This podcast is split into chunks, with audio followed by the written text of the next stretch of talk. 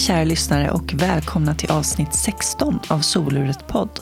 Jag är nyfiken på vad som formar oss till de vi är. Kan en avgörande händelse påverka eller definiera en människa? Eller är det alla årsringarna som formar oss? Hur påverkar miljöer och människor oss? Hur påverkas våra vägval av våra förutsättningar? Alla har rätt till sin livshistoria och att få sin röst hörd. Jag som intervjuar heter Jasmine Nilsson och i Soluret möter jag människor från alla samhällsskikt och fördjupar mig i deras livshistorier. Och med varje livshistoria belyses olika ämnen. Jag är journalist och föreläsare och på min hemsida textjasmin.se kan ni se mer information om mina föreläsningar.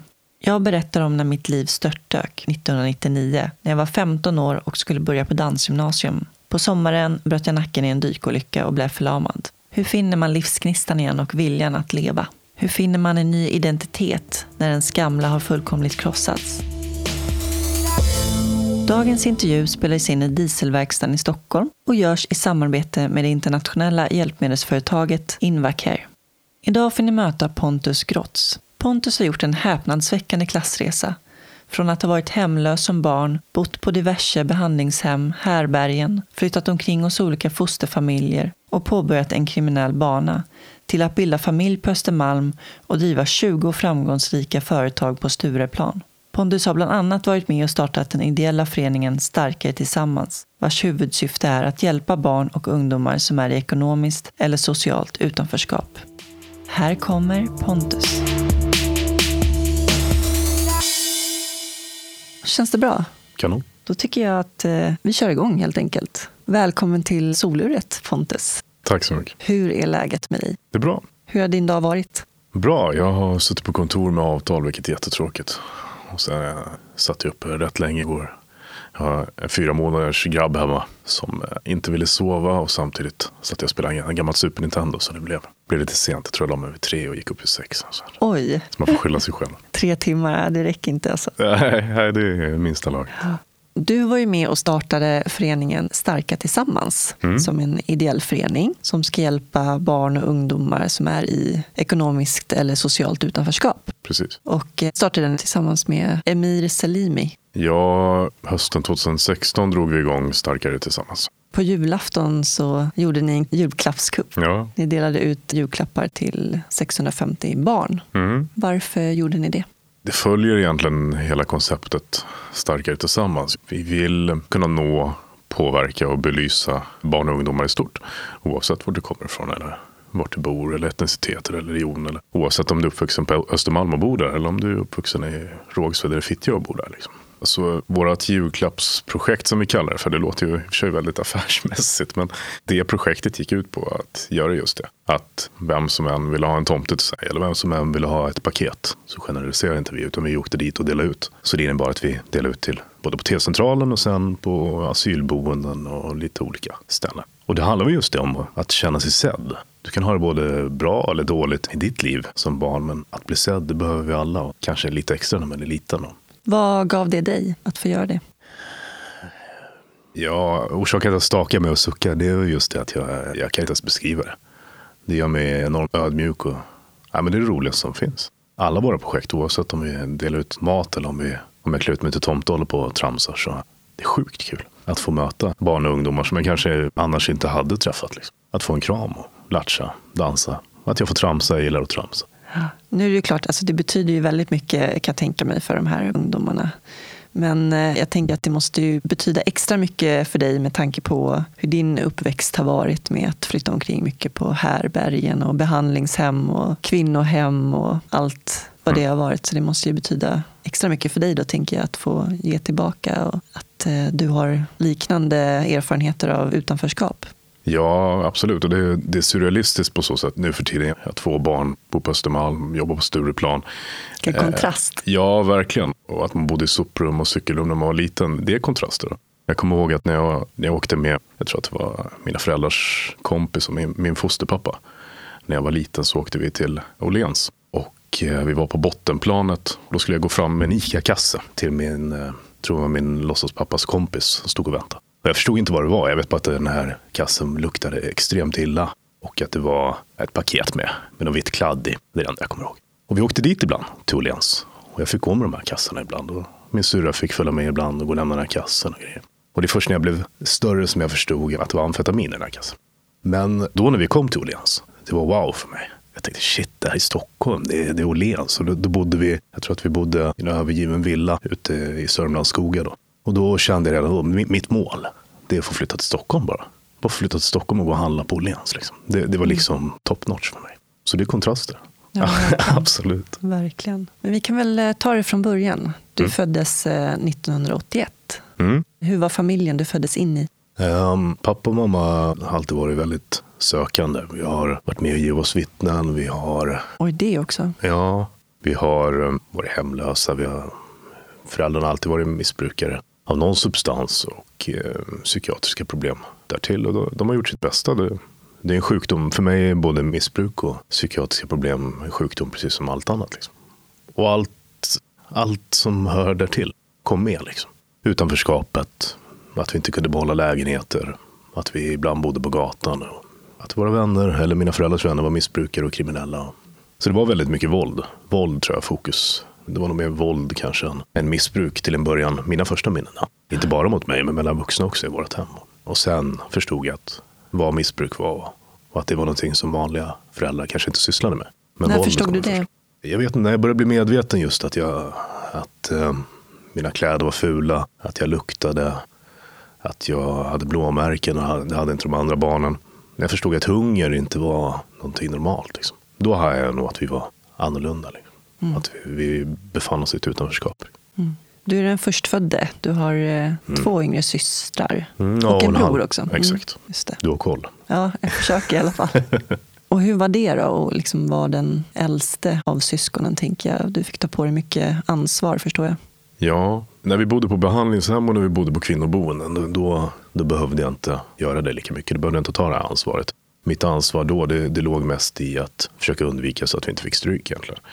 Så vi hade lite olika som vi tyckte var säkra ställen. Vi hittade olika gömställen. Vi hade olika flyktvägar. Det, då var väl jag som orkestrerade det, lite grann. Eh, Men då var det jag och min äldsta lilla syster som fanns. Min yngsta hade inte blivit född och inte min bror heller. Mitt ansvar över mina syskon, det kom väl med när vi bodde själv med min mamma. Och, och hon mådde jättedåligt i sig. Och missbrukade och, och träffade bara missbrukare. När separerade dina föräldrar? Ja, vad kan jag ha varit? Sju kanske? Det hände extremt mycket runt min sjuårsålder. Många flyttar och separation. Och Hur upplevde du det? Separation? jätteskönt. Det var... Det var en destruktiv relation då? dina Ja, ja enormt. Eh, nej, men det var skönt. Det, det var skönt för det, någonstans både min relation till min mamma och pappa, även om det var kanske inte en inom situationstecken normal relation, så blev den bättre faktiskt. Men du bodde kvar med din mamma?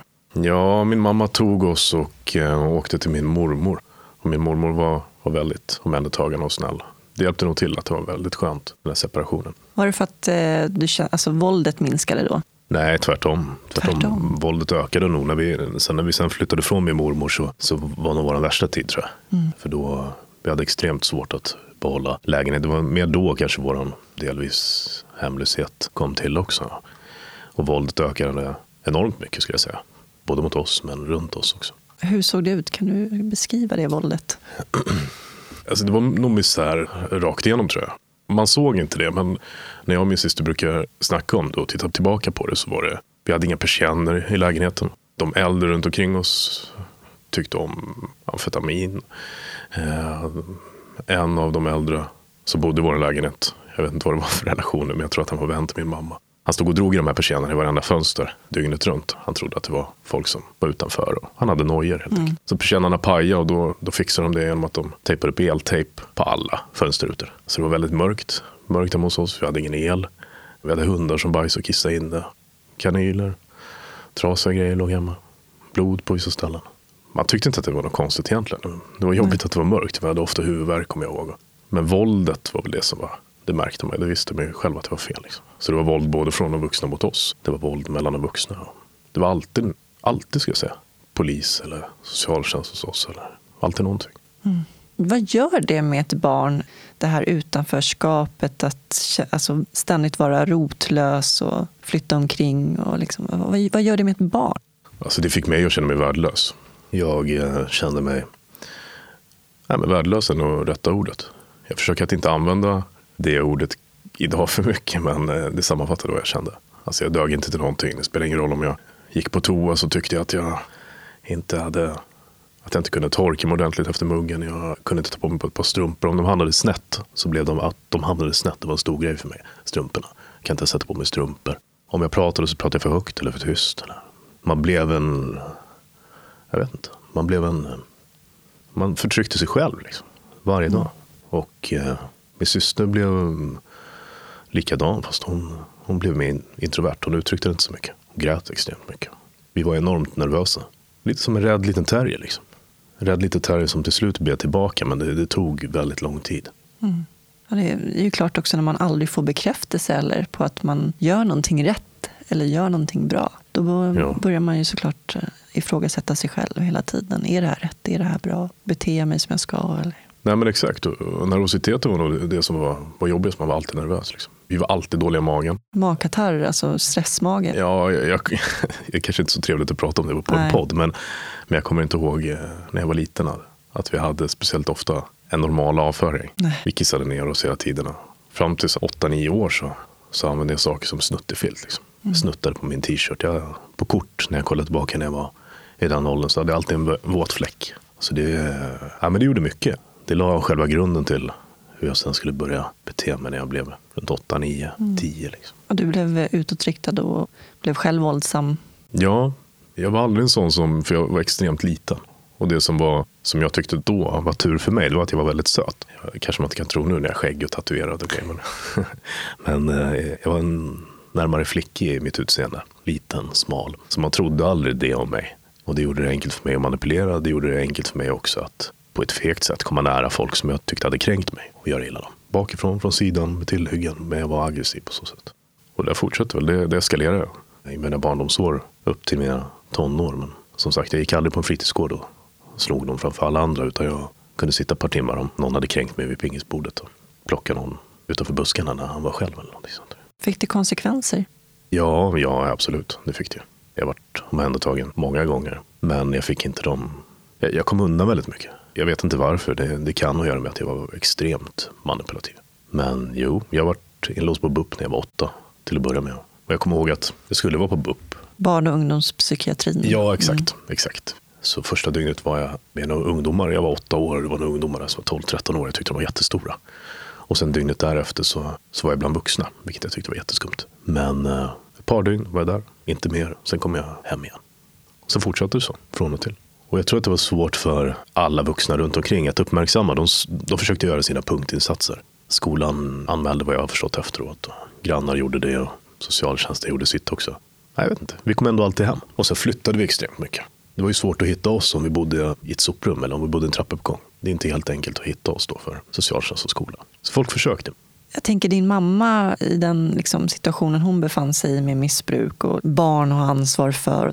Min mamma var inte alltid närvarande. Ibland bodde vi med hennes vänner och ibland bodde vi med folk vi inte kände. Och det var väl här kanske mitt, mitt ansvar hemma växte mer. Det var jag som skulle fixa mat och jag skulle tvätta kläder. Och där var kontentan att vi luktade äckligt och vi hade gamla kläder. Och...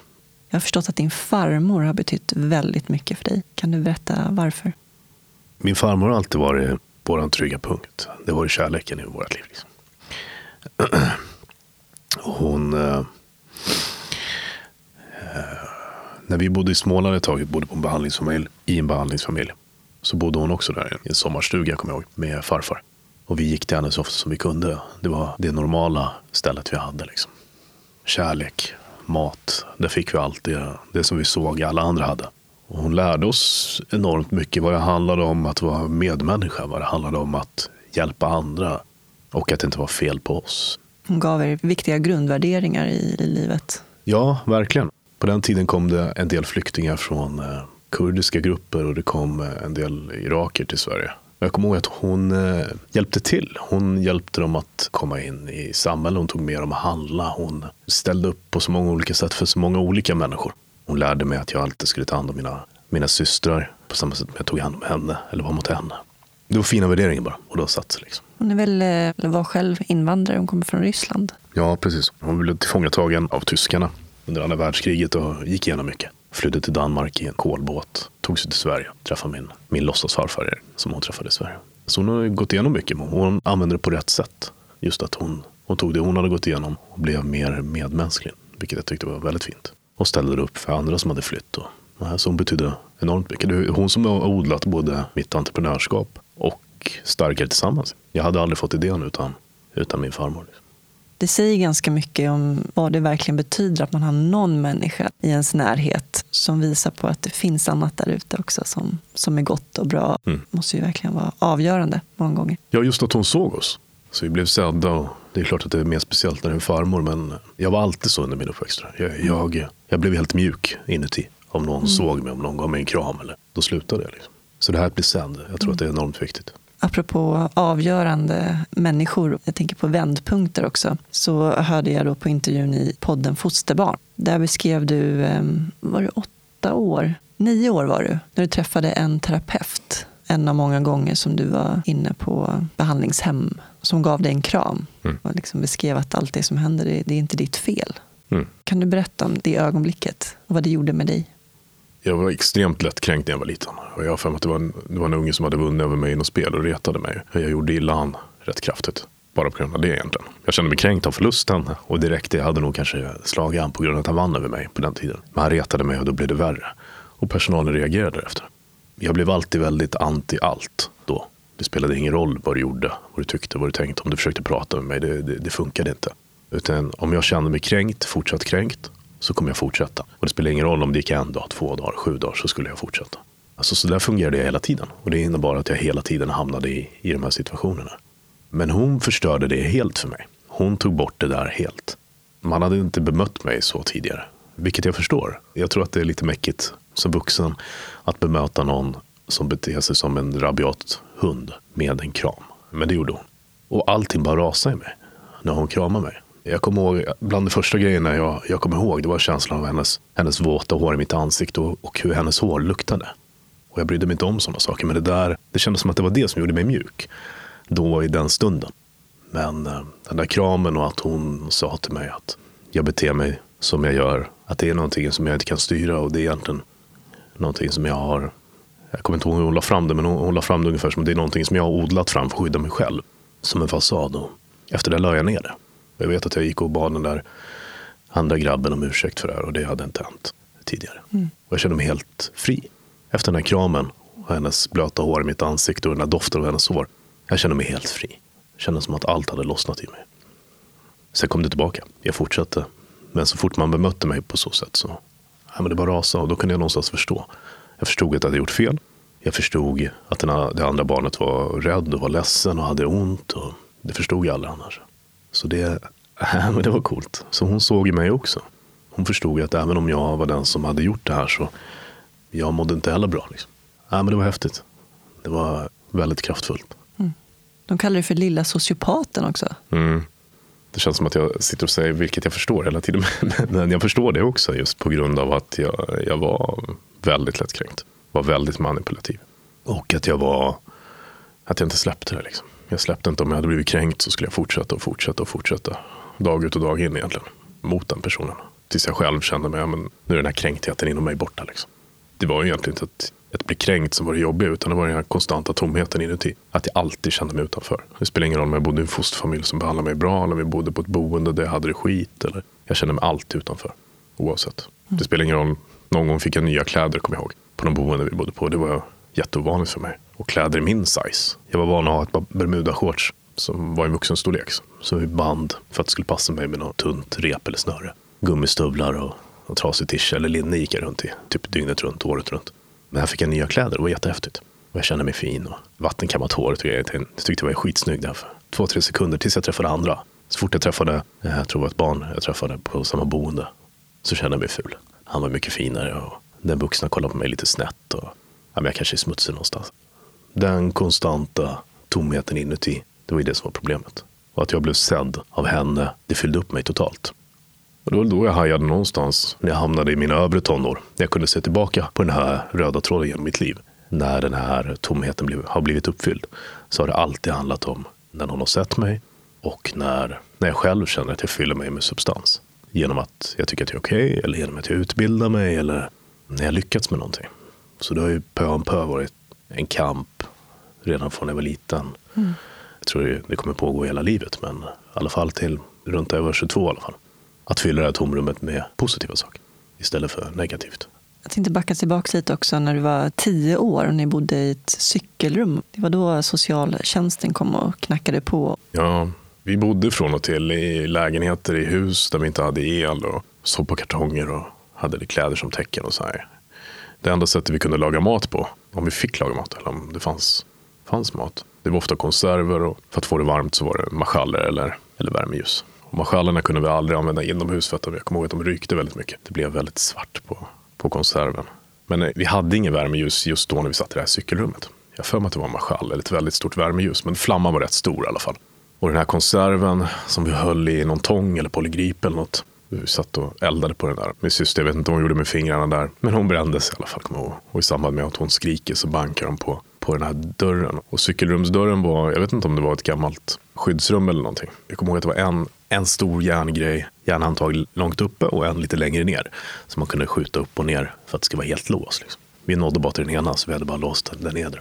Och så bankade på den här dörren. Då. Hur kom ni in där från början? Förlåt att jag avbryter. Men... Nej, det stod alltid öppet för det stod massor med cyklar där inne. Alltså det användes väl inte som skyddsrum då, utan det var nere i vår källare. Mm. Och det var ett cykelrum som vi bodde i som vi hade fått en lägenhet i sen, ovanpå.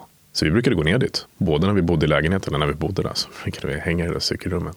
Och jag och min syster brukade vara där själva också när vi bodde i lägenheten, för det var lite hemma. Det var trygghet. Soprum var bättre, för det var varmare. Okay. Soprum var varmare, även fast det luktade, luktade sopor så var det varmare.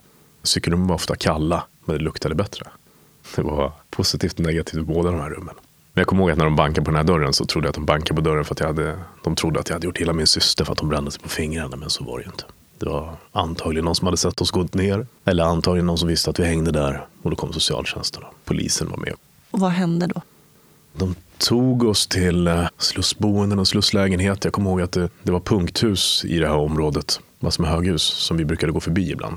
Som vi tyckte var jättefina, jag och min syster. Jag har alltid gillat höghus, jag vet inte varför. Att jag sen flyttade till Fittja och Rinkeby och trivdes kanonbra där. Det har nog med höghusen i grund och botten att göra.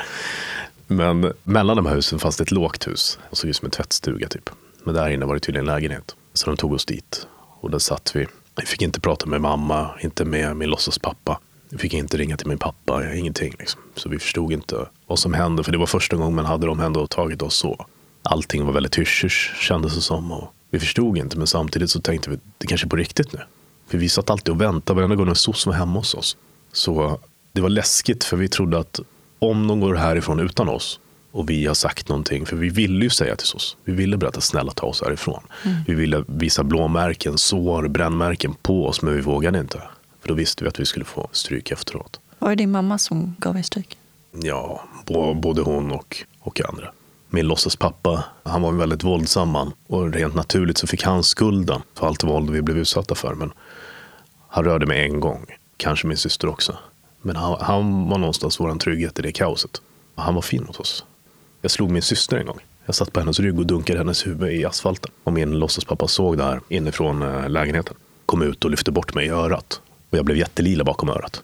Det är enda gången, eller ändå hända, men det är den gången han har rört oss. Men han fick egentligen skulden för allt våld. Vilket var väldigt orättvist. Han försökte ändå på något sätt. Han var kraftig missbrukare och väldigt våldsam kriminell.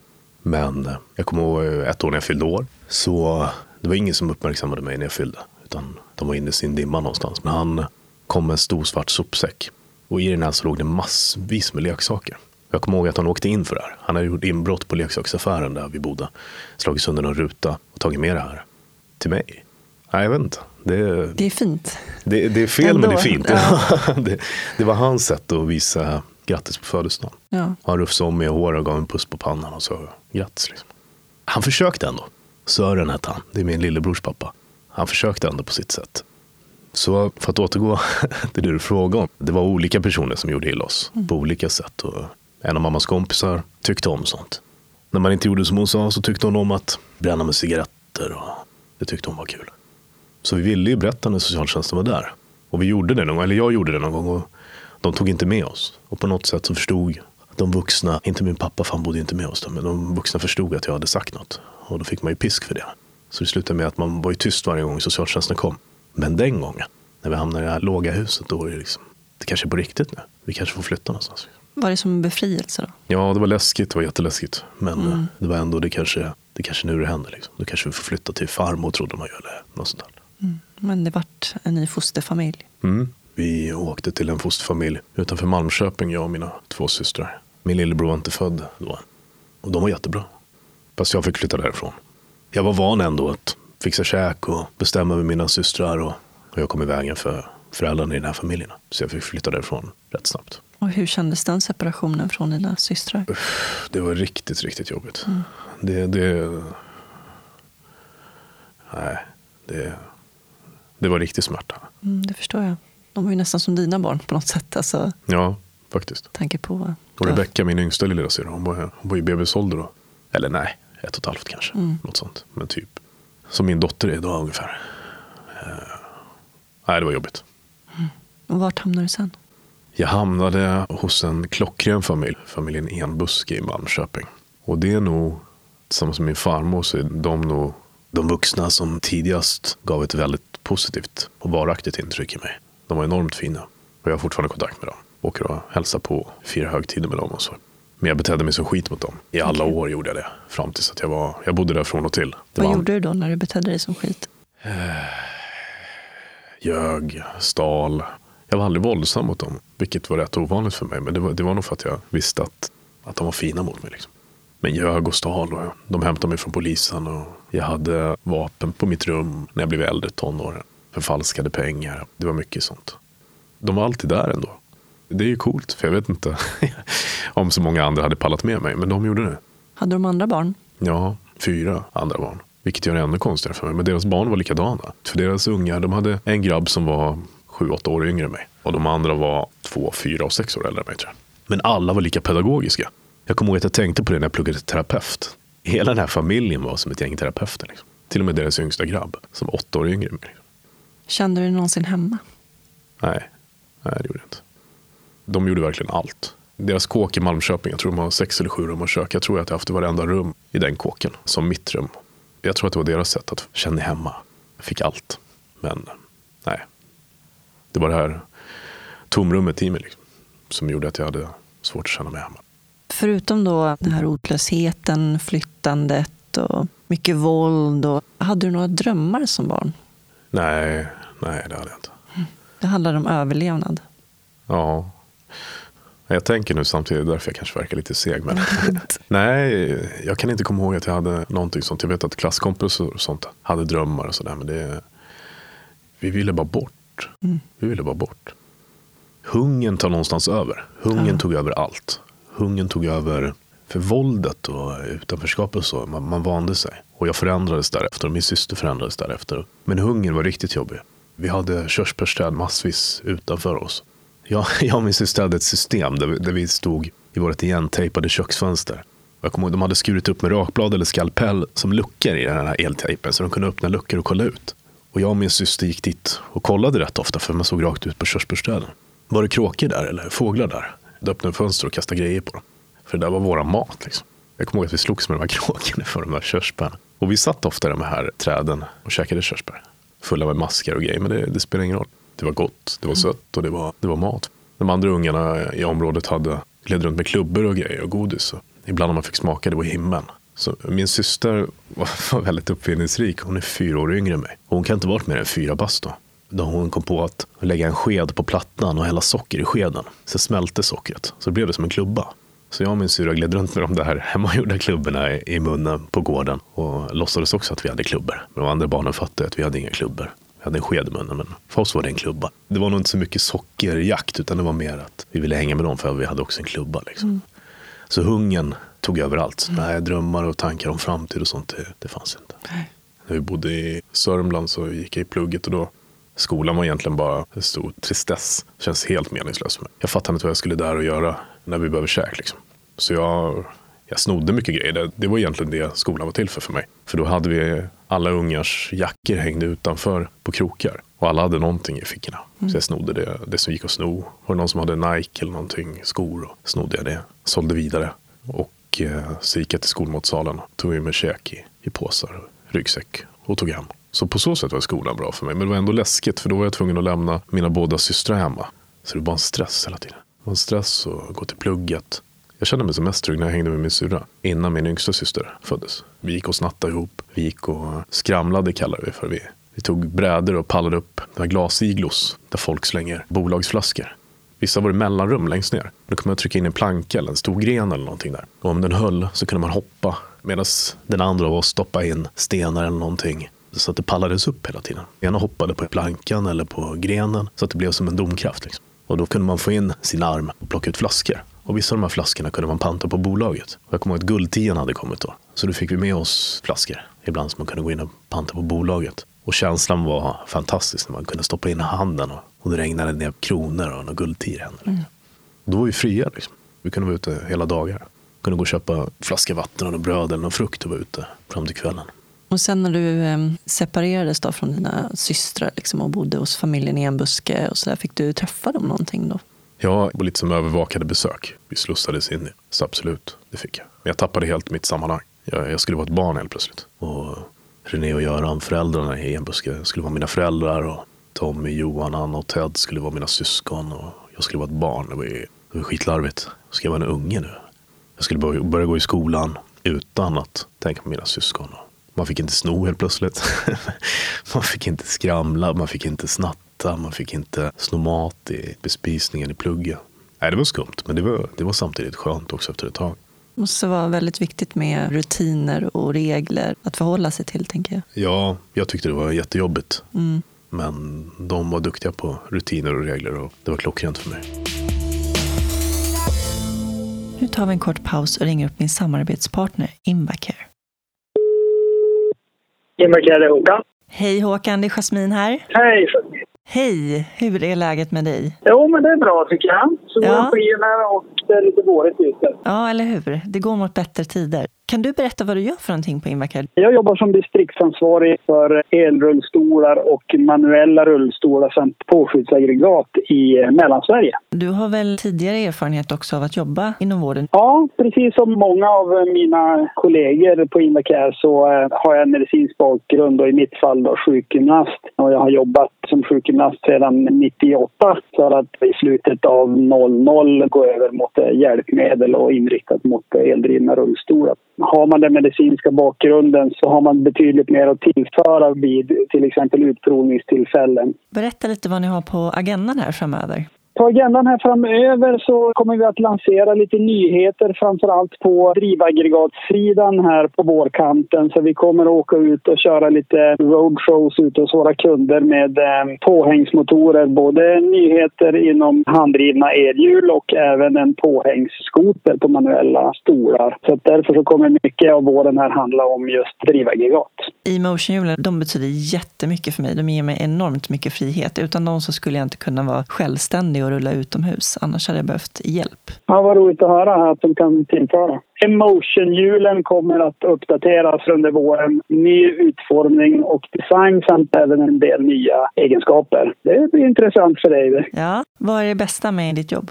Det bästa med mitt jobb eh, upplever jag är när man kan hjälpa människor att eh, uppnå sina drömmar och mål, stora som små oavsett vad man har för funktionsnivå. Ja, men tack så mycket Håkan för att jag fick eh, ringa upp dig, så får du ha en fortsatt trevlig dag. Ja, men tack detsamma. Ha det så bra. Hej då. Hej då. Du har alltid haft ett vapenintresse. Ja, ända sedan jag var liten när jag, jag såg en pistol första gången så var det, jag vet inte. Det kändes som att ingen kunde tjafsa med mig då. Liksom. Och jag var rätt liten när jag såg den här pistolen. Knivar, allt sånt där tyckte jag var häftigt. Men det, det, det blev som smink liksom. Det sminkade över att jag kände mig rätt värdelös. Liksom. Och det där följde mig upp i tonåren. När jag började köpa och sälja vapen egentligen. Behöll vapen. Det var, det var lite som min snuttefilt. Jag gick från att snutta på min t-shirt fram tills jag var 10-11 år till att, eller 12 år kanske var, till att snutta på, på vapen. Du kände dig trygg med det? Ja, det fyllde upp mig totalt. Sen kom pengar, gjorde samma sak. Stureplan, då när jag var yngre. 16-17 bast någonting. Var det då du flyttade, alltså till egen lägenhet? Jag flyttade fram och tillbaka från familjen Ebuske. Men första gången jag fick min egen lägenhet av socialtjänsten, då var jag nog, jag bodde i Eskilstuna i en annan fosterfamilj. Vilket var snällt av dem, men det var, det var dumt av dem. Där eskalerade det ännu mer. Kriminaliteten? Ja, absolut. Vapen och resor till, vi, vi åkte till Baltikum, till Estland, Lettland, Litauen och köpte vapen. Och jag visste inte vad jag pysslade med. Men, men det fyllde upp mig någonstans. Liksom. Jag var någon helt plötsligt. Hade vänner och med vapnen, pengarna. Jag kom in på Spybar när jag var 17 år tror jag. Och när jag var 17 såg det ut som att jag var 11. Såg ut som ett barn. Men det var wow för mig. Hela tiden har jag hittat sådana saker som fyller ut. Så du gick aldrig på gymnasiet? Både ja och nej. Jag var inskriven hotell och restaurangprogrammet i Eskilstuna. Men hoppade av, blev avstängd. Och jag tjänade rätt bra med pengar då. Jag, studiebidrag, jag kommer inte ihåg, 750 eller någonting sånt. 650, jag kommer inte ihåg. Men det var helt meningslöst när jag kunde få in 5-6 tusen i veckan. Plus att de här pengarna gav mig ett sammanhang också. Så det var den logiken man levde efter. Då brydde man sig inte om man sårade andra, om man gjorde illa andra eller vad det än var. Jag sket i alla. Det var bara jag själv som existerade. Jag intalade mig att min farmor betydde något för mig. Jag intalade mig att Miriam och Rebecka, mina systrar, betydde något för mig. Jag intalade mig att Anton, min lillebror, betydde något för mig. Men allt var ju bara fake. Det enda jag brydde mig om det var mitt ego, pengar. En pistol betydde mer än, än dem. Men man såg det inte så. Man såg det inte så. Om någon snackade skit om mina systrar eller min lillebror eller min farmor eller någonting så reagerade man på det. Men det var inte, det var inte på grund av dem. Det var ju för att de kränkte mig, mitt ego. Man såg det inte så. Man såg det som att jag, jag var en häftig kille liksom. Jag var en tuff snubbe. Men egentligen så var jag en liten, liten rädd Pontus. Som egentligen sysslade med sånt som, som jag inte tyckte om. Hur var relationen till din mamma och pappa under de här tonåren? Obefintlig ska jag säga. Det, det blev som att vi växte isär. Jag vet inte. När jag började utvecklas aggressivt och systemet började ta hand om mig så växte vi isär rätt kraftigt. Det kändes naturligt. Jag gjorde mitt och de gjorde sitt. Så länge jag fick ha kontakt med mina syskon så var det bra. Var du någonsin arg på dem? Ja, ja. Verkligen. Jag, det var alla andras fel. Att jag hade gjort fel. Även om jag, jag sparkade en kille i ansiktet en gång så, så hans öga trycktes in och okbenet gick sönder, kommer jag ihåg. Men det var inte mitt fel. Det var ju hans fel. Han hade knappt gjort mig någonting. Det började med en blick och sen frågade jag vad han ville. Och det, kommer inte ihåg vad han sa, men det, det var ju bara trams. Men det var ju hans fel. Det var min pappa och mammas fel. Det var samhällets fel, socialtjänstens fel, polisens tog mig fel. Ditt fel om jag hade träffat dig då. Så jag var egentligen arg på alla. Och mina föräldrar, var ju, det var deras fel och de hade satt mig i den här sitsen. Men jag kom ju ingenstans. Alltså mina år återupprepade sig hela tiden. Mitt ältande var att allting är alla andras fel Även om det ibland kanske var någon annans fel. Så det här ältandet, det gjorde att jag aldrig utvecklades. Jag tror jag var samma person när jag var nio som när jag var 18. En rädd liten vilsen pojke som fortsatte att använda mitt schema av beteende hela tiden. Och det gjorde att jag hela tiden fick samma slutprodukt. Det vill säga en rädd, liten ensam en Pontus. Så när jag började ändra på det här schemat och när jag började förstå att mitt ältande, oavsett om du har gjort mig någonting eller inte, att jag ältar det, då hamnar jag i det här schemat. Det var mycket enklare då när jag började förstå det när jag var runt 22 och jag började jobba. Det var som en raket. Det var så sjukt enkelt. Och egentligen bara fokuserade på vad är det jag har gjort i den här situationen? Även om du skulle slå mig rakt i ansiktet, vad gjorde jag som triggade dig? Att jag började gräva så i mig själv, så hittade jag ett helt hav av grejer som jag kunde fixa till. Det var ingen utlösande faktor, det var bara du själv som på något sätt kom till en insikt. Jag var trött på att hela tiden misslyckas, att hela tiden se mina jämnåriga och mycket yngre komma längre än mig. Att må bra, det är klart att det var saker som jag, jag gjorde som jag inte ställde upp på.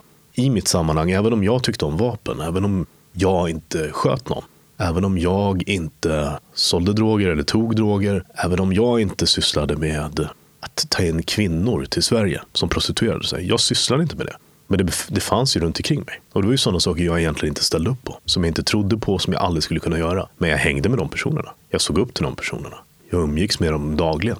Och när jag började ifrågasätta mig själv att jag hängde med folk som tvingade andra människor att prostituera sig. När jag förstod att jag hängde med människor som inte hade några skrupler att göra illa en man, en kvinna, ett barn.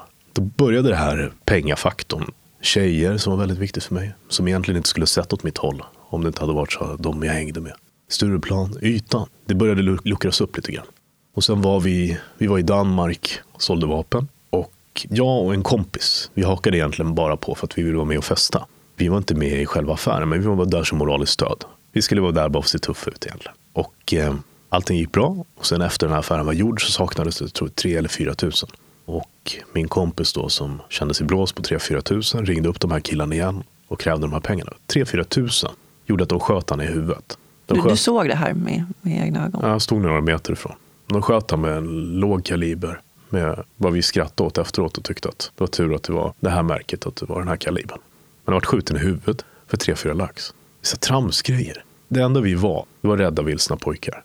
Nästan apatisk. Man inte ens känner någonting när man vittnar något sånt fruktansvärt. Nej, det var ju panik och så i början, men mm. nu var det med livet som insats. Men vi såg det inte som så, vi såg det som hedern som insats. Och även om man, vad man än tycker om det här så det är en realitet. När man får andra perspektiv och det är det det handlar om, att få ett annat perspektiv. Att kunna ifrågasätta sig själv utan att trycka ner sig själv. För andra har ifrågasatt dig för att du gör fel saker. Men du ser det som att de trycker ner dig själv. Och det var min och mina vänners problematik. När socialtjänst, polis, väktare, skola, mamma och pappa eller vad det än är försökte korrigera dig. Berätta att så här kan du inte hålla på. Men vad vet du? Du trycker bara ner mig. Men när man gör det själv och man kommer till den här insikten att jag vill ju faktiskt någonting annat.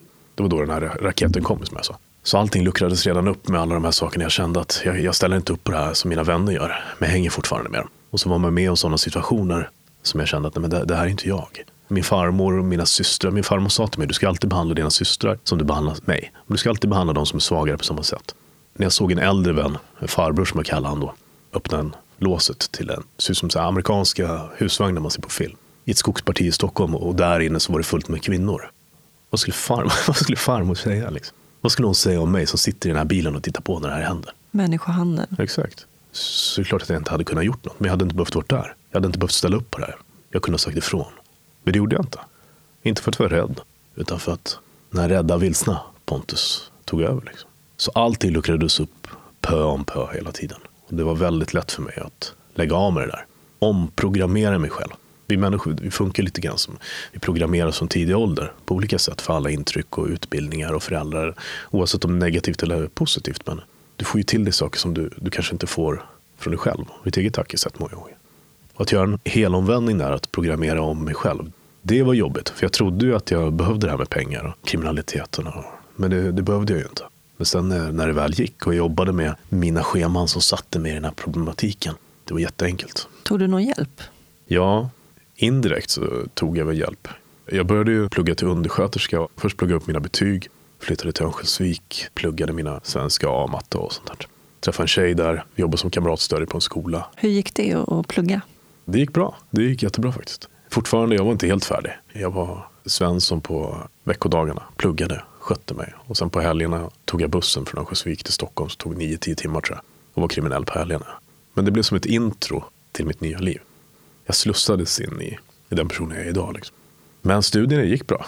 Religion och engelska fick jag MVG i tror jag. Det var första gången jag fick så här schyssta betyg i någonting. Eller betyg. Det var ofta streck eller någonting. Hur kändes det då?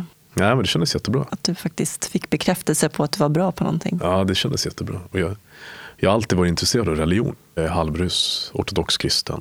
Gift med en kvinna som är muslim i grund och botten. Och våra grannar när jag var liten som försökte hjälpa oss vid ett tillfälle där. De var kurder, troende muslimer. Jag kommer ihåg att jag, jag fick inte för dem följa med till koranskolan som deras son gick i. För det skulle se ut som att de hade påverkat mig till att följa med. Men jag smög med ändå. Och det var jätteskönt massor med vuxna, jättetrevliga, man kunde käka och min syrra var välkommen. Och, så jag var med där i koranskolan ett tag och det var jätteintressant. Socialtjänsten och skolan, de kickade ut mig från skolan när jag var runt sju bast där. Jag knivhögg en, en annan elev. Jag hade en liten schweizerkniv på min nyckelknippa. Inte de här stora schweizerknivarna. Det låter som att jag försöker försköna min knivhuggning, men det är inte meningen. Men det var en liten schweizerkniv, en souvenirgrej. Jag fick inte en bild, samlarbild som jag ville ha, så jag högg han i låret. Och då ville inte de att jag skulle gå, kvar i plugget. Så jag skulle få hem skolundervisning. Men det gick inte heller, för att vi hade inget hem. Så de satte mig ute på flyktingförläggningen. Då tänkte de, att du kan gå i plugget där. Så jag hängde i SFI-klassen. Det gick jättebra. Jag hade massor med äldre tanter och gubbar som tog hand om mig. Jag brukar skämta om det och säga att jag tror att jag är enda Pontus i Sverige. Nu generaliserar men jag tror att jag är enda Pontus i Sverige som har gått SFI. Men det sådde ett litet frö där då kan man säga. Ja. Också, intresset för att liksom lära sig. Och... Ja, det var kul. Då var det roligt faktiskt. Så det är nog bara SFI-klassen när jag var liten och det självvalda plugget när jag blev äldre som, som har funkat för mig. Nej, men det funkar. Jag pluggade upp mina betyg och sen flyttade jag och eh, min tjej till Gävle och där pluggade jag till undersköterska. Och jag gjorde praktiken på psyket i Gävle. Handledaren jag hade där, enormt mjuk och bestämd på samma gång. Hon imponerade på mig kraftigt. Hon kunde säga till mig att sitta som en hund så gjorde jag det. Jag såg upp till henne så sjukt mycket. Hon hade pondus. Liksom. Ja, men extremt. Samtidigt var hon väldigt, väldigt varm. Hon fick mig att fatta att jag skulle börja gå i, i en grupp som hette eh, Vuxna barn. Så jag gick i den här gruppen vuxna barn. Och så satt man i ring och så fick man en pinne och så fick man prata när man fick pinnen. Och bara det att, att snacka om att mina föräldrar varit så här eller si och så. Min upplevelse då var att det många gånger kunde bli ältande grupper. Men det blev inte det. Utan man fick istället en förståelse för att andra hade också haft det på samma sätt eller annorlunda. Man fick perspektiv på sig själv, på tillvaron och på sina föräldrar. Och då förstår jag att de var sjuka. Liksom. Så det här är också ett jättelångt svar på din korta fråga mm. när du frågar om jag har varit arg på mina föräldrar. Det var nog fram tills dess tror jag. Jag släppte det helt. Förlät dem kanske, för att du förstod? Ja, jag hajade att de var sjuka. Mm. Det var en som sa där att för hennes mamma låste in sig och hade psykiatriska problem. Och hon sa, men min mamma är sjuk. Det, mm. det är på samma sätt som en förkylning. Alla här har varit förkylda. Min mamma har varit förkyld hela livet. Skitcool liknelse. Mina föräldrar har också varit förkylda. Känner igen det, för min pappa han var alkoholist. Han lever inte längre. Men mm. jag kom också till en punkt där jag insåg att han, han var sjuk. Just det. Och då var det lättare att förlika sig med det på något sätt. Kunna förlåta. Frigörande, eller hur? Ja, verkligen. Ja, men då kunde du gå vidare sen i alla fall på ett annat sätt kan jag tänka mig. Ja, men precis. Och då, då valde jag också att ta hjälp av alla former av terapeuter som jag kunde nå. Både inom psykiatrin, varenda person jag kunde nå i de här korridorerna på psyket så kände jag att jag vill gräva mer. Jag vill jobba mer. Och alla var så hjälpsamma. Jag tror att om en terapi hade gått ut på att jag ska sitta och knacka en sked mot en vägg så hade det funkat för mig. Jag sög i mig allt, verkligen, som jag fick. Jag gick i schematerapin, det är kanske därför jag snackar lite grann om scheman. Jag gick i schematerapi, jag gick i KBT, jag gick hos en psykolog. Jag gick i tolvsteg till och med, för vuxna missbrukare. Och jag har aldrig missbrukat. Jag röker inte, snusar inte, jag dricker knappt. När jag var yngre så använde jag anabola steroider. Men jag har inte varit beroende av en sinnesförändrande drog. Men jag gick i tolvsteg och det var ju klockrent. Mm, man får rannsaka sig själv. Ja, precis. Det jag tidigare såg som en rustning som jag hade stängt in mig, det var ju bara mitt fängelse. Och jag började se de här sprickorna i den här rustningen. Jag tror då jag tog, tog mig ut från det här fängelset. Så det, det var en fantastisk resa. Efter det var det allt enkelt. Det som var svårt innan var överdrivet enkelt då. Mm. Och nu sitter du här med fin skjorta och kavaj och ser stilig ut. Och Tack så mycket. Bor på Östermalm och kallar dig själv för social entreprenör. Det är nog mer min kollega Emir Selimi som är den sociala entreprenören. Jag är företagare. Det är min bakgrund och vinsten från företagen går in i Starkare Tillsammans för att det, det är överlägset mycket roligare än mina företag. Men hur gick det hoppet till då, från undersköterskeutbildning och terapeut och till att bli företagare? Jag har alltid haft tur. Man kan nog få en bild av hur min barndom och ungdomstid och allting har sett ut. Men min röda tråd som jag började upptäcka där när jag började programmera om mig själv. Det är att jag har haft väldigt tur. Jag har gått ifrån och tyckt att jag har haft världens skitliv och att alla tryckt ner mig till att, att jag faktiskt inte varit här utan min barndom, utan min ungdomstid. Och jag råder ingen att behandla sina barn så för att de ska få in fram entreprenörer. Men mitt entreprenörskap är nog grundat mycket i min farmor och allt man har varit med om. Så jag vet inte, det har fallit sig naturligt någonstans. Ledarskapsförmågor, entreprenörskap. Det är egentligen det jag har använt hela tiden, men bara för att överleva eller bara för att göra kriminella saker tidigare. Så det föll sig naturligt. Jag hade en liten summa pengar som jag valde att investera i en liten markplätt. Och jag gjorde inte så stor vinst på den egentligen. Men det, det sådde ett frö i mig att det här kanske är tur eller så kanske jag kan det här. Jag kanske kan klara av att göra sådana här saker. Och jag började väl egentligen inte heller med att hoppa direkt till att starta företag eller köpa upp företag. Utan jag, jag började som konsult inom vården. Hjälpte till att starta familjehemsverksamheter, HVB-verksamheter, LSS-boenden till de största aktörerna i Sverige. Och det var också en överlevnadsfaktor egentligen, för den konkurrensen när jag började som konsult, den var ju mördande. Sådana som hade pluggat på Chalmers eller Tekniska och, och jag pluggade på komvux i Örnsköldsvik. Liksom. Så jag hade, jag hade lite att stå inför. Men, men det jag gjorde, det var egentligen, jag kontaktade en liten vårdkedja. Jag visste att, genom en bekant att de ville starta ett tredje boende. Och jag sa, jag kan fixa det här till er. De bara, men varför ska vi ta in dig? Och då sa jag, nej men vad är min konkurrens? Vilka är det ni har kontaktat? De bara, ja, men den här personen gör det här under fyra månader. Den gör det för den här pengen och vi vet att det blir kvalitet. Och då sa jag, men det där är inget problem. Det slår jag lätt. Jag gör det på två månader max. Jag gör det gratis och det kommer få lika bra kvalitet. Så de tänkte, ja men vi kan ju inte förlora på det här. Så vi kör och sen låter vi folk kolla över hans arbete sen. Så jag gjorde det gratis. Jag, jag tror jag gjorde det på fem veckor. Och det funkar. Och jag fortsatte sådär. Men eh, sen började jag ta betalt för det. Jag gjorde det egentligen bara för att bygga upp referenser och att folk skulle veta vem jag är. Liksom. Och sen började jag jobba åt de större aktörerna. Och sen kände jag när de, när de inte höll mina ekonomiska modeller, när de inte använde det kvalitetsledningssystemet som jag byggde, vilket innebar att jag ville att man skulle ha fokus på de boende oavsett om det var ett LSS-boende eller om familjens verksamhet. Eller, jag vill inte göda sådana verksamheter som jag själv har bott i när jag var yngre, som kanske bara gjorde det för pengar. Och jag såg att ägarna där, som ofta var riskkapitalister eller tog pengarna och köpte en Ferrari för, och jag äcklades av det. Det kändes som att jag kom in i samma snurra som egentligen när jag var kriminell. Att jag gjorde ett jobb åt sådana som använde pengarna till något destruktivt. Profiterade på andra människors lidande egentligen. Och det var egentligen samma sak. De här människorna profiterade också på andra människors lidande. Då la jag ner det och sen började jag starta ett eget. Körde ett behandlingshem utanför Södertälje. Sen fortsatte det bara.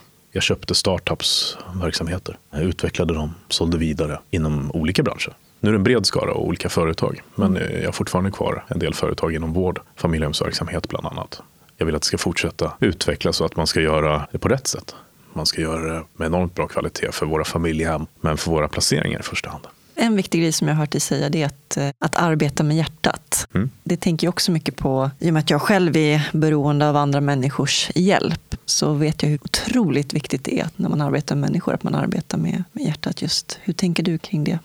Det sammanfattas väldigt mycket av grundkonceptet och rutinerna vi har i mina vårdbolag skulle jag säga. Om jag, får man nämna namn och sånt? Eller? Ja. Jag har en familjehemsverksamhet som heter Familjehemmet Individ och Omtanke. Tanken från början det var just att det ska genomsyra hela verksamheten. Men vår vinst ska inte gå till min ficka, att jag ska köpa en schysst våning eller fina bilar. Och det skulle gå till vad vi tycker är kvalitet. Både för vår personal, vi vill att vår personal ska trivas, göra ett jättebra jobb. Vi vill att de ska ha de bästa förutsättningarna som finns. Vad vi tycker är bra förutsättningar. Det, det handlar egentligen om att vi ställer upp på varandra. För jag själv vill inte att barn och ungdomar ska komma och bo på sådana ställen som jag själv har bott på. Det steget var lätt. Det mm. steget var lätt att ta. När jag väl förstod att jag hade ett värde, att jag hade ett sammanhang, att jag kunde det här. Så då var det bara att köra på. Jag tror, har man struktur, har man funnit ett sammanhang och du lär dig att arbeta kostnadseffektivt utan att jaga pengar. Så det är rätt enkelt på så sätt, om du förstår vad marknaden vill ha, att vara företagare. Det entreprenörskapet kom sig väldigt naturligt därigenom blir nästa skede för mig starkare tillsammans på så sätt att i och med att vinsten från företagen, inte hela självfallet, men en stor del av vinsten går till starkare tillsammans. Vi kan arrangera soppkök, vi hemspråksundervisning för döva barn. Vi åker nästa år och borrar brunnar i Makedonien till romska barn som bor på en soptipp.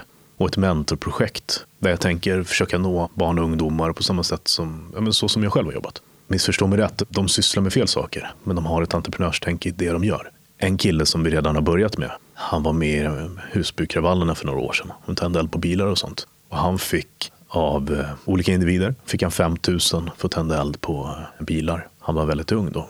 Han fick 5 000. 25-30 bilar tände han eld på. Det blir bra med cash. Ja, men han höll aldrig i en tändsticka eller i någon tändvätska. Utan han betalade i sin tur tre, fyra ännu yngre killar 500 spänn okay. för att göra det. Så han gjorde egentligen ingenting. Han mäklade den här insatsen till de yngre barnen. Street smart. Ja, verkligen. Och det, och det är ju jättehemskt det de gjorde. Men det är han medveten om idag. Och idag så är han en del av det, ett av mina företag. Vi körde det här mentorprojektet med honom och fick honom att förstå att du har en entreprenörshjärna. Du kan det här redan. Du har fixat den här utbildningen själv.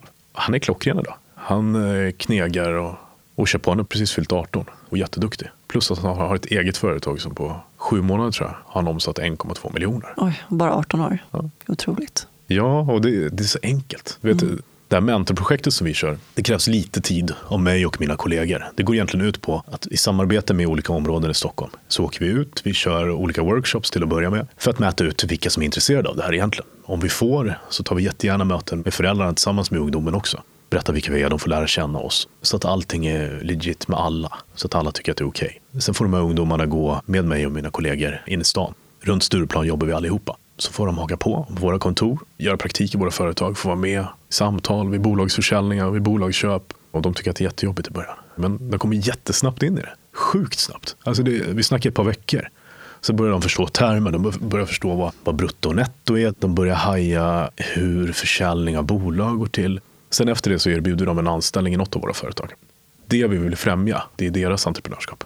Vi vill främja deras affärstänk. För alla de här har en idé och det tar vi upp i det här workshopsen. Så då lyfter vi den idén. Så under deras praktiktid så jobbar vi också med det. Hur vi kan utveckla det till ett affärskoncept. Och det är så han nu omsätter rätt bra med pengar, den här killen.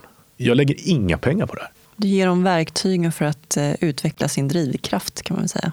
Ja, eller ofta har de verktygen själva. Jag ger dem någonstans kanalen att använda verktygen i. Mm. För verktygen har de använt. De tänder eld på bilar, rånar någon, slår ner någon, säljer droger. Och de utvecklar också mig. De ger mig nya idéer. Och, så det, det, är ett givande och tagande som är jättekult. Det är lite min bebis, det här projektet. Då. För mig är det också ren egoism. Jag drivs av det här. Mm. Jag tycker att det här är sjukt kul. Jag har inte tråkigt en enda dag när jag håller på med Starkare Tillsammans. Så även om det är ett gott ändamål så för mig, jag vet inte om jag skulle klara mig utan starkare tillsammans. Skulle jag sitta med mina företag på Stureplan dag ut och dag in, jag tror jag skulle spy till slut. Ja. Man behöver någonting som man är passionerad inför också. Exakt. Vad innebär det för dig att vara människa? Det går nog tillbaka till det vi pratade lite om förut. när det kom till vad, vad min farmor lärde mig för grundvärderingar. Och till exempel inom vissa religioner. De tre stora till exempel, judendomen, islam och kristendom. Bara var schysst. Hjälp andra och hjälp dig själv. Sår du ett frö av, av hat och ilska som man ser en del av idag så kommer du, du kommer få som frukt. Men gör du det av positivitet och glädje och kärlek, du, du kommer få det också. Sen kommer du få rutten frukt ibland. På, på dina positiva träd som jag sitter här helt flummigt och snackar om så, så kommer du få rutten frukt. Och jag vet att det kanske låter skitlarvigt men det, du kommer ändå få, även om du får 99 ruttna frukter så får du ett som är bra. Och det, det är värt det. För att så det här fröet, så, som du gör i mig med den här intervjun. Jag tycker det är fantastiskt. Jag tycker du är ascool. Tack. Och du, du sår ett frö i mig av glädje som jag kommer ha med mig länge. Och jag antar att det här är enkelt för dig. Det här är det du gör. Det här är det du drivs av. Men du påverkar mig just nu. Jag mår skitbra av att sitta här. Enkelt och så positiva frön. Det är, det är svårare att ta mer energi och så negativitet. Liksom. Det som är bra idag det är att det finns enormt mycket positivt i samhället, i världen. Och det är bara att det kommer lite i skymundan över att folk hetsar lite för mycket angående etnicitet och religion. Och jag tror egentligen att vi alla vet att det är trams. Det var någons barn, någon gång i någon insats vi gjorde. Han var sex eller sju år. Och det här är lite mitt motto, har jag fått från den här 6-7-åringen, när det kommer till människor och våra olikheter. Men hur lika vi egentligen är. Han sa så här, han berättade om sina kompisar i skolan. Så här. Och så berättade han om några killar som var dumma. De var dumma mot en kille som var svart i deras klass. Den här killen, han hade bränt sig vid hela kroppen. Och den här pojken benämnde han som svart. Och jag trodde, men han kanske är av afrikansk härkomst eller någonting sånt. Man hade bränt sig vid hela kroppen. Och så hade de en kompis som var från Mellanöstern och så här. Men de här dumma pojkarna, de var taskiga mot den här brända pojken och eh, killen från Mellanöstern. Och jag sa, men ska inte bry dig. Jag körde det här vanliga vuxensnacket och det funkade inte riktigt. Han var mer pedagog än mig den här grabben. Och han sa så, men har du tänkt på det så här? Att om det skulle komma aliens hit, då skulle de här dumma pojkarna, då skulle de vara kompis med mig, med den här svarta pojken och den här pojken som kom från Mellanöstern. Och då skulle vi alla vara kompisar och kämpa mot de här aliensen. Och det är helt sjukt vad det är sant. Ja, men en sån enkel ja, grej. Liksom. Det var insiktsfullt. Ja, men det är en sån enkel mm. pryl och det, det stämmer någonstans. Ja. Vi är mycket mer lika än vad vi tror. Det är det jag menar. Jag tror nog att de flesta inser egentligen att det som är negativt i dagsläget, det politiska läget på en del håll. Jag tror att alla egentligen inser att vi alla är människor. Vi är starka tillsammans helt Exakt. enkelt. Vad betyder frihet för dig? Att eh, känna, tycka, tro, älska vem och vad du vill. Det kan också låta så här väldigt politiskt korrekt, men jag bryr mig inte om vad du tror på för Gud. Jag bryr mig inte om vem du älskar hit och dit, utan det, frihet för mig det är du ska få uttrycka vad du vill så länge du inte kränker någon annan. Jag tycker inte vi ska kränka varandra, för jag tycker att det är taskigt. Inte göra folk ledsna. Liksom. Vad gör dig arg? Jag har gått ifrån att bli arg av allt till att jag sällan blir arg. Jo, men jag blir arg av eh, orättvisor. Det tycker jag är ruttet. Jag tycker inkonsekvens och hyckleri, det tycker jag är jobbigt. Och jag är själv hycklare ibland och jag blir påminn om det av folk runt omkring mig. Det är, det är klockrent för då, då finns det utrymme för förändring. Och så blir jag arg på mig själv rätt ofta. Utan att bli arg på mig själv på samma sätt som jag kanske var yngre. När jag alltid var arg på mig själv. Så blir jag, eller inte arg kanske, men jag blir irriterad på mig sjv. För jag är ofta, jag gör ofta fel. Jag gör ofta misstag. Och det är bra. För då, då kan jag utvecklas. Har du höga krav på dig själv? Enormt. Mm. Jag är sällan nöjd. Eh, men det blir en... Förut var det en en väldigt skarp piska. Idag är det nog fortfarande en piska, men den är väldigt vadderad. Så den kittlar mer. Jag har svårt att se framgången för vad det är. Utan jag, jag känner alltid att ja, jag kan göra bättre. För mig är det en drivkraft idag. För förut var det en belastning. För förut så tryckte det ner mig och det blev prestationsångest. Liksom. Och det är borta. Mm. Vad gör dig lycklig? ja, det, det, är mycket som gör mig lycklig. Det mesta gör mig lycklig. Det här gör mig lycklig. Mina barn, mina företag, min personal och mina kollegor. Det mesta gör mig lycklig. Jag känner att jag är enormt klyschig, men kärlek gör mig lycklig. Vem är den roligaste människan du känner? Det är många som får mig att garva. Jag är väldigt nära till skratt. Min lilla syster Miriam, vi kan vara rätt råa med varandra. Vi kan skämta om att vi har bott i cykelrum. Vi kan, ja, men vi kan skämta om så här grejer. Det funkar internt. Jag skulle kanske inte sitta och, sitta och skämta om det här, men hon har alltid varit där, min syster. Hon har alltid varit diplomaten, pedagogen, min spärr, min förebild på många sätt. Och hon får mig att skratta. Hon var alltid den som kunde hålla tillbaka vissa av de vuxna när vi var yngre. Prata ner dem. Liksom. För att en fyra, femåring som kan prata ner en vuxen man som står och håller i tillhygge och ska spöa mig. Det är coolt. Verkligen. Det är mycket om min farmor och min syster. Det är lite, lite min idol. Du fick inte chansen att drömma när du var liten. Nej. Då var det mest överlevnad det handlade om. Men hur ser du på det idag? Vad, vad drömmer du om idag? Det är nog rätt mycket. Det är mycket jag vill att vi ska genomföra i Starkare Tillsammans ett av mina problem det är just att jag har höga krav på mig själv. En av mina problem det är just att ibland när jag jobbar nära någon så kan jag vilja att den ska hänga på i samma tempo. Så jag har lärt mig nu att jag måste ta det lugnt. Men i Starkare Tillsammans så vill jag väldigt gärna genomföra massvis med olika grejer. Det här mentorprojektet vill jag sprida så långt som möjligt. Jag har barn och de kommer ha en schysst framtid. Det är också min dröm just med, med dem att de kommer få haka på i våra olika projekt. De kommer få lära sig både ett entreprenörskap men de kommer också få stå i våra soppkök. De kommer få lära sig hur det är att hjälpa till. Så det kanske var två svar på den frågan. Man ska drömma Eller skulle jag, skulle jag sagt världsfred nu kanske? Ja, precis. Ja, jag gjorde bort mig totalt. Jag lägger till världsfred också. Jag har några snabba frågor här också. Eller snabb och snabba, men några mm. korta. Så inga långa Lite svar? Alltså. Samma. Kaffe eller te? Kaffe. Bok eller film? Den var jobbig. Beroende på regissör, film. Kött eller grönsaker? Kött. Se eller höra? Höra. Heavy metal eller jazz? Jag älskar jazz. Nalen är mitt andra hem. Fasching också. Ja. Ljus eller mörker? Ljus. Fort eller långsamt? Fort. Lyssna eller prata? Lyssna. Tack så jättemycket Pontus för att du delade med dig av ditt liv. Stort tack själv. Det var jättetrevligt att ha dig här. Kul att vara här.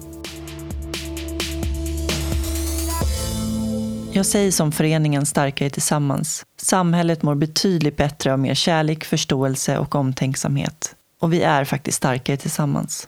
Tänk på vad en kram kan betyda för ett barn som lever i utanförskap. Mer information om föreningen hittar ni på starkertillsammans.org. Följ gärna Soluret på Facebook och Instagram och gå gärna in och betygsätt Soluret på iTunes om ni har möjlighet. Ett stort varmt tack till Invacare för samarbetet. Mer information om deras produkter hittar ni på invacare.se. I nästa avsnitt får ni möta Ison Glasgow. Ison föddes 1980 i Queens i New York. Då hade crack-epidemin brett ut sig i USA och i hopp om en bättre framtid flyttade då femåriga Ison och hans mamma till Sverige, där hans pappa, den stora rastafarimannen från Jamaica, bodde. Föräldrarnas relation var redan destruktiv och våldet eskalerade hemma. Isons pappa lämnade dem och flyttade tillbaka till Barbados. Ison och hans mamma blev hemlösa och de bodde bland annat i Kungsträdgården bland missbrukare. Idag är Ison en framgångsrik rappare och är med i den kända duon Ison och Fille. Efter att ha medverkat i det populära tv-programmet Så mycket bättre vann det även svenska folkets hjärtan. Jag och Ison hade samma gymnasielärare, Örjan Jakobsson, som kom att betyda mycket för oss båda på olika sätt. Han är även med på ett hörn i början av intervjun och det berättar om deras relation och när de träffades för första gången. Avsnittet publiceras måndag den 16 april. Med tanke på dagens gäst avslutar jag med ett av mina favoritcitat av Leonard Cohen. Det är en spricka i allt. Det är så ljuset kommer in. Tack så mycket för att ni lyssnade och vi hörs igen om två veckor. Ta hand om varandra. Hej då!